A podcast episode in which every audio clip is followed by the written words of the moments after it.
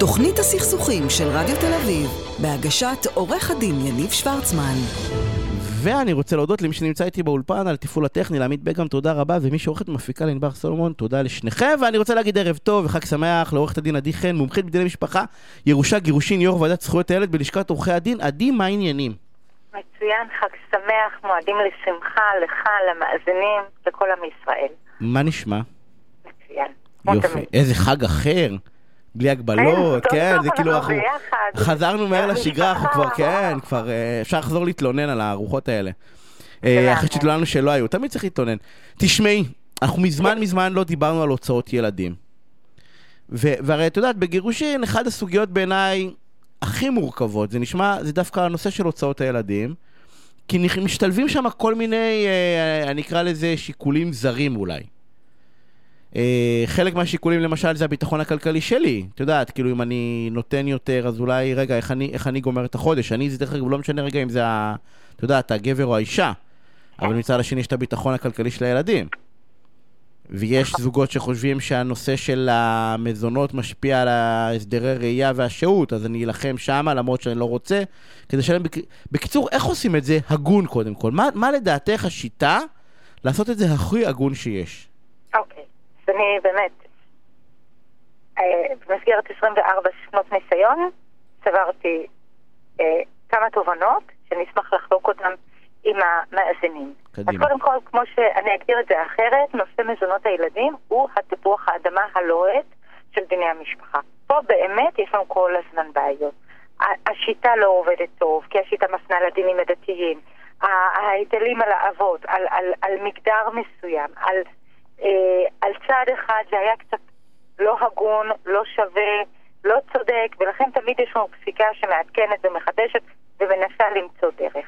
אבל כמה בעצם טיפים- למי שלא יודע, רק בוא נגיד את זה, תקני אותי אם אני טועה, שבישראל, דרך אגב, אני חושב בניגוד לעולם, כן? אבל בישראל בטוח, אה, בעצם יש דיפולט.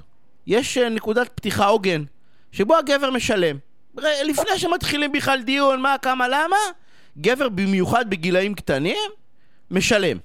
לא, החוק מפנה, בכל מה שנוגע לדיני המזונות, לדין האישי. למי שיש לו דין דתי, משתייך לעדה דתית מוכרת ויש לו דין דתי, אוקיי, אז הדינים הדתיים. זאת אומרת, לגבי יהודים הוא ההלכה, לגבי מוסלמים השריעה, לגבי הנוצרים הדין הקנוני, אוקיי? אז לפי, אצלנו אבא חייב במזונות חיוב אבסולוטי.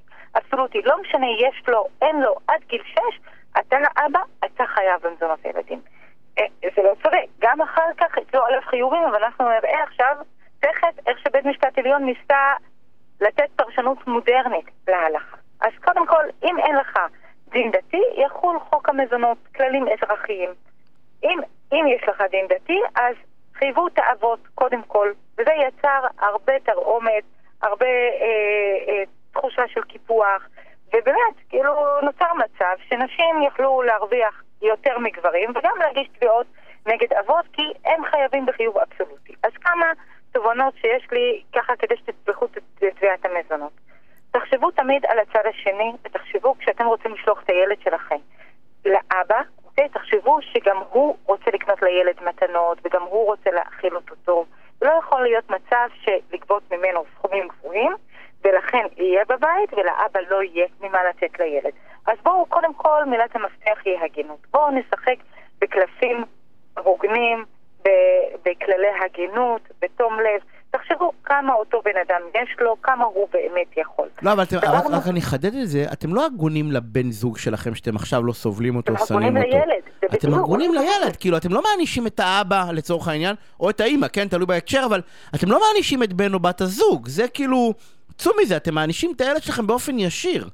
תנו לילד ללכת לאבא שלו, כשהוא הולך לבית של אבא, אז יש לו אותם דברים כמו בבית של אימא. אותם דברים, ולא להיות במצב שהאבא משלם כמה אלפי שקלים מזונות, ואין לו כלום בבית, אתה פותח את המקרר, אין לו להציע מה שהאימא מציעה. ואין לו יכולת לקנות את הצעצועים ואת המתנות, וזה באמת, זה, זה, זה מצב ששמענו מהרבה מאוד אבות וחבל. אז דבר נוסף, כללי המזונות, איך בית משפט פוסק מזונות? בית משפט פוסק מזונות לפי צרכים הכרחיים של הילדים. ואחר כך צורך הכרחי של אותו ילד ספציפי. מה זה צורך הכרחי? זה הדברים הכי הכי בסיסיים כדי להתקיים. זה אוכל, זה הנעלה, זה רפואה, זה מדור, קורת גג. עכשיו, אנחנו לא מדברים על, על, על כל יום לצאת למסעדה ולהגיד לשופט, אוקיי, אנחנו, הילדים שלי אוכלים במקדונלד כל יום. זה לא זה, זה הצורך הכי בסיסי. אז נוצר מצב שילד עשיר אוכל בדיוק אותו דבר כמו ילד עני, כי זה בדיוק הצורך הבסיסי. נקודה נוספת, אם חשבתם שלספק מדור, קורת גג לילד, אז אני יכולה לתחמן את הצד השני ולבחור דירה שהיא מאוד יקרה, אז לא, גם פה בתי המשפט שמו את הברקס ואמרו, אוקיי, נבחר לפי משהו שהוא סביר. זאת אומרת, אם יש לי, אם אנחנו מדברים על אה, אזור המרכז, אז אני לא אבחר בדירה של 8,000. אתה, אתה רוצה? אתה. תיסע בדלתא, בהפרש. אבל יחייבו לפי 4,500, 4,500, 5,000. נדיר שיחייבו יותר מזה. אלא רק אם יראו דברים אה, מאוד ספציפיים לגבי אותו אזור. עדי, יש, יש לך מושג למה החוקק לא עושה סדר בנושא הזה? באמת, אני, אני, את יודעת, כולנו שומעים כל הזמן. תראי, יש, אני, אני יכול לחלק בעצם, אולי אני טועה, את תחלקי, אבל אני אגיד מה נדמה לי. בסדר? יש כאילו, אני אקרא לזה אה, שלושה סוגים אה, אה, של, של זוגות. הזוג אחד הוא זוג שמסתדר ובא לגישור ומבין בעצם שהטובה של הילד זה שלכל הורה יהיה קצת בכיס, קצת כסף בכיס. ולצורך העניין, אתה יודע, זה לא משנה, מסתכלים על ההכנסות של שניהם ביחד, ויש איזושהי הסתכלות על כל המערכת כמערכת, בסדר? אה, כי בסוף הילד אה, צריך לגדול בשני בתים, אז זה, זה, זה, זה סוג אחד שגדל לשמחתי, אבל, אבל הוא קיים. זוג שני שלא מסכים והולך לריב בבתי משפט, וסוג שלישי שבאמת מתעלל באחד מבני הזוג, בסדר? כאילו או לא משלם או דורש. ואני בא ואני אומר, למה בתי משפט לא מת... למה החומר המחוקק לא, לא מתערב? למה הוא מכריח את בני הזוג ללכת ולריב על הדבר הזה? זה, זה, זה קצת עניין מורכב, כי בכל מה שקשור לענייני המעמד האישי במדינת ישראל, אנחנו רואים חקיקה דתית בהרבה מאוד מהמקרים. ועד שנצא גם בעניין המזונות, מזונות הילדים, לחקיקה אזרחית, הדרך היא עוד ארוכה. בינתיים זה המצב. אנחנו מופנים לדינים הדתיים. עכשיו, ברשותך, חשוב לי רק להצביע על כמה נקודות מאוד חשובות. לצורך המזונות צריך שוב להבחין בין הדברים הבסיסיים, שאמרנו אוכל, רפואה, אה, קורת גג, לבין המותרות. מותרות זה אה, שיעורים פרטיים, אה, מיני דברים, פלאפונים, אם כי מחשב היום, מחשב נייד, נחשב ל, ל, למצרך שהוא בסיסי לצורך חינוך. חוגים? חוגים לא, לא, ממש לא. רק הדברים הבסיסיים, אוכל, רפואה, מדור, דברים כאלה. אוקיי. בסדר? עכשיו, אם את מקבלת השתתפות האבא בפעוטון או בצהרון, אז את לא תוכלי לתבוע גם דמי טיפול, אלא רק במקרים חריגים. עכשיו שוב, נחזור לגילאים. עד גיל 6 האבא חייב במזונות אבסולוטיים, לכן בתי המשפט, כדי לעשות צדק עם גברים ואבות, צמצמו את הצרכים הבסיסיים. בהתחלה, היום הרבה, בעבר בתי משפט פסקו 1,200 שקל, היום זה נע בין 1,400 ל-1,800 שקל, זה הבסיס. אוקיי? מעבר לגיל הזה יש לנו פסק דין שהוא מהפכני משנת 2017. פסק הדין הזה קובע מזונות לפי כללים אחרים. ניסה לתת פרשנות מודרנית להלכה.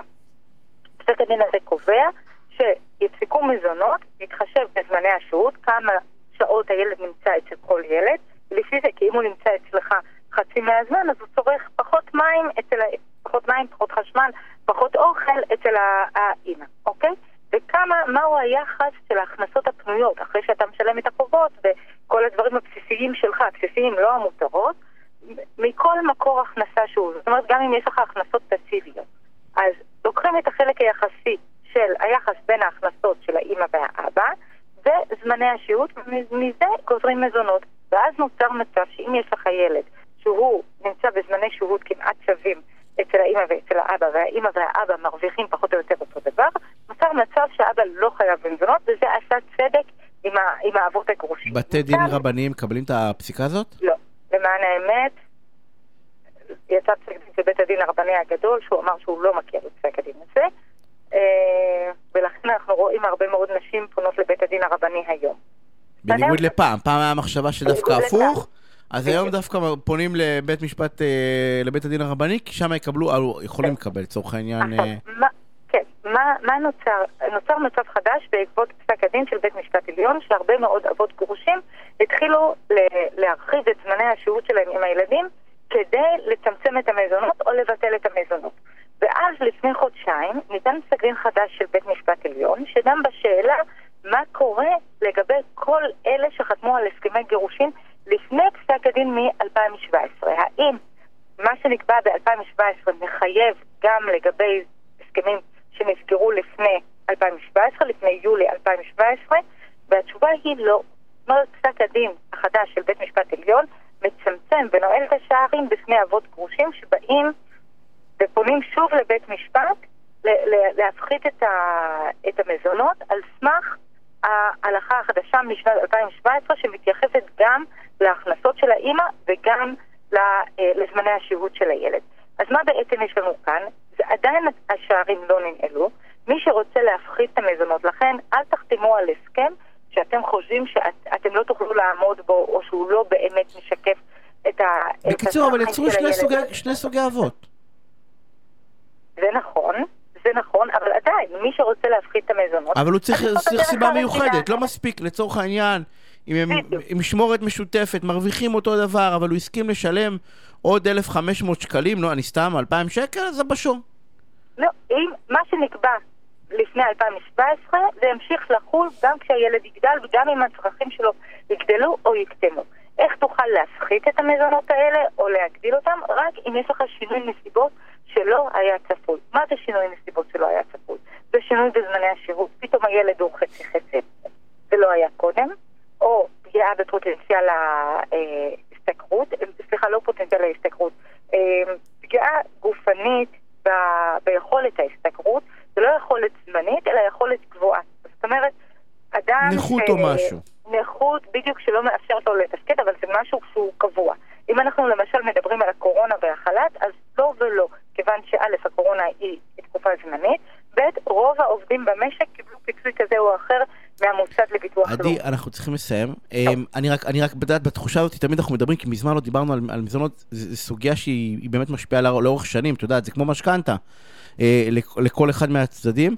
אה, בסוף מי שחושב שהוא פוגע בבן הזוג, בעיניי לפחות, הוא, כן, הוא לא מבין את הקרמה, הוא לא מבין שזה חוזר בבומרנג אחר כך, כי הילדים לא פראיירים.